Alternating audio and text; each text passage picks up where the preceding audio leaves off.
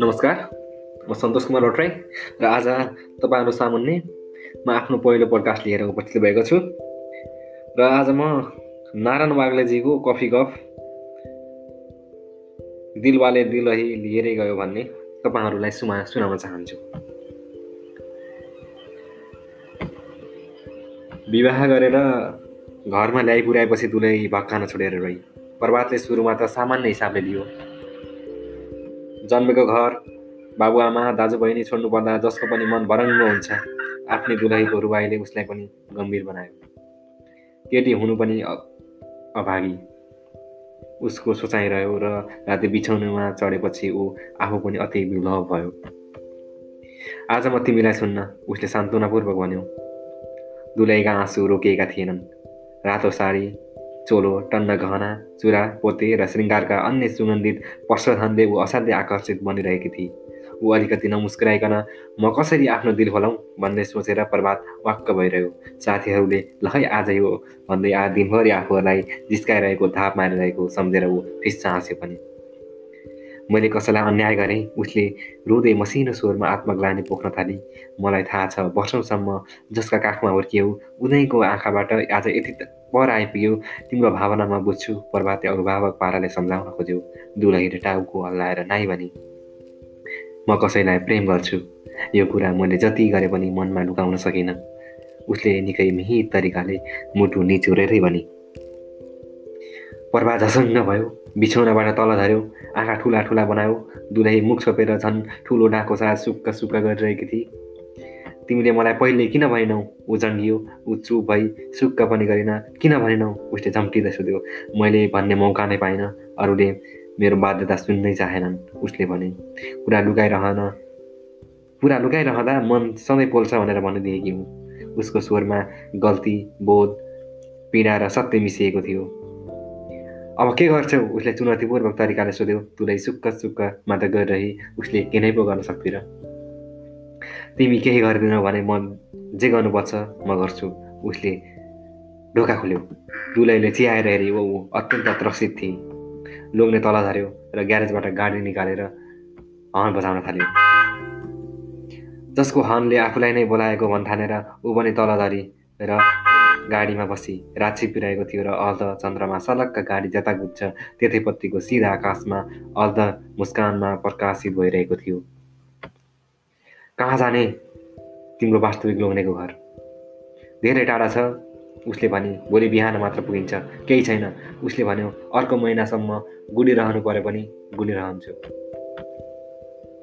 दुलै रुन छोडेकी थिए उसको मनमा नाना किसिमका तर्कना खेलिरहेका थिए। एक मनले लाग्यो गाडीबाट हाम फालेर मरौँ। अर्को मनमा लाग्यो उसले उसको मनमा मनले केही भन्न सकेन। पाङ्राको गुडगुडु हात ठुला ठुला आवाज गर्दै उसले दुवै कान चिरौँडा चाहिँ बढिरहेका थिए।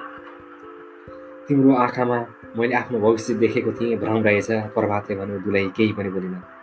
जे भए पनि तिमीले ठिक गर्यौ मनमा पाप राखिनौ। उसले भन्यो मनमा पाप राख्ने अभागी हुन्छ र अभागीलाई आफ्नो जिन्दगी लामो लाग्छ। मैले पनि प्रेम गरेको थिएँ ऊ भन्दै गयो तर कसैको नजिक हुन सकिनँ। केवल एकतर्फी प्रेममा पर्दै थिएँ। सुरुमा तिमीलाई देखेर आफूप्रति धेरै विश्वास बढेको थियो। सरी उसले ओठली ऊ भन्दै थिए मैले पनि हजुरलाई दुःख दिएँ मेरै गल्ती हो। तिम्रो गल्ती होइन तिमीलाई कसै तिमीले कसैलाई प्रेम गरेकी छौ भने गल्ती तिम्रो होइन। तिम्रो प्रेम बुझ्न नसक्नेहरूको हो उसले भन्यो। तपाईँप्रति म धेरै आभारी छु मेरो बाध्यता स्वीकारिदिनु भयो उसले भने गाडी साठी किलोमिटर प्रति घन्टाको दरले राजमार्गमा गुडिरह्यो। रात्रि बसहरू फट्टा फुट्टा आवाज आवाज गरिरहेका थिए।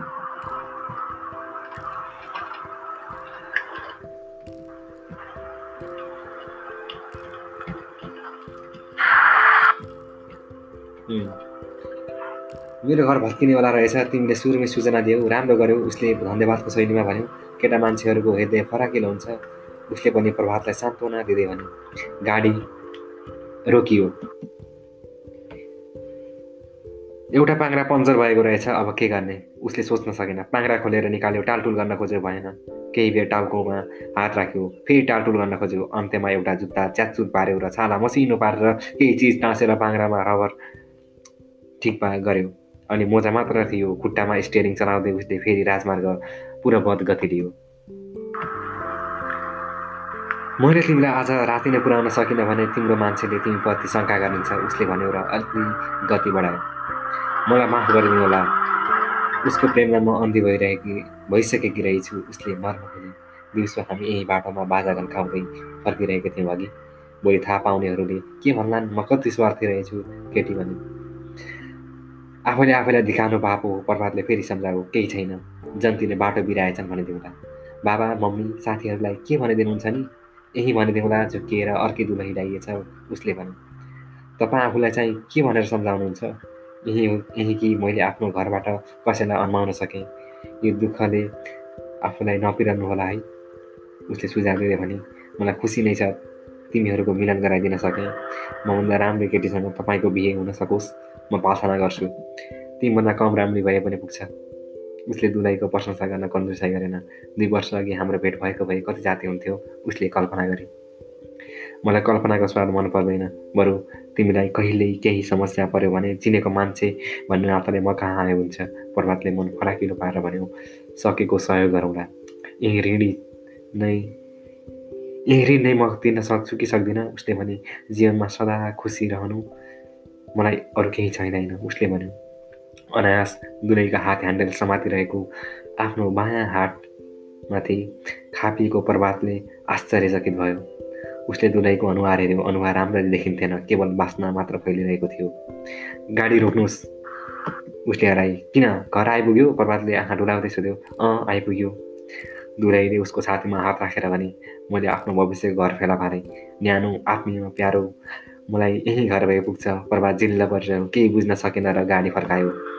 दुलै पछाडि बस्दै टाउकोमा स्नेह म सुमसुमाउँदै गुनगुनाइरहेकी थिएँ। तपाईँले मेरो विगतलाई बिर्साइदिनु भयो अब तपाईँको साथमा मात्रै म खुसी रहन सक्छु। स्विट।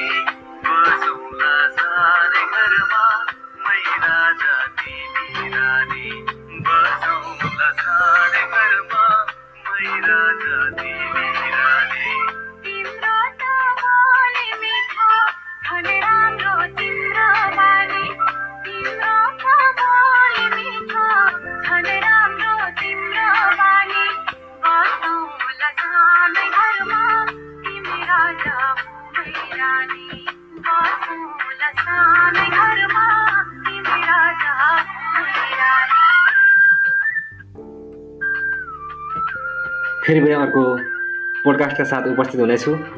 त्यो दिनजेलको लागि आज्ञा दिनुहोस्। धन्यवाद।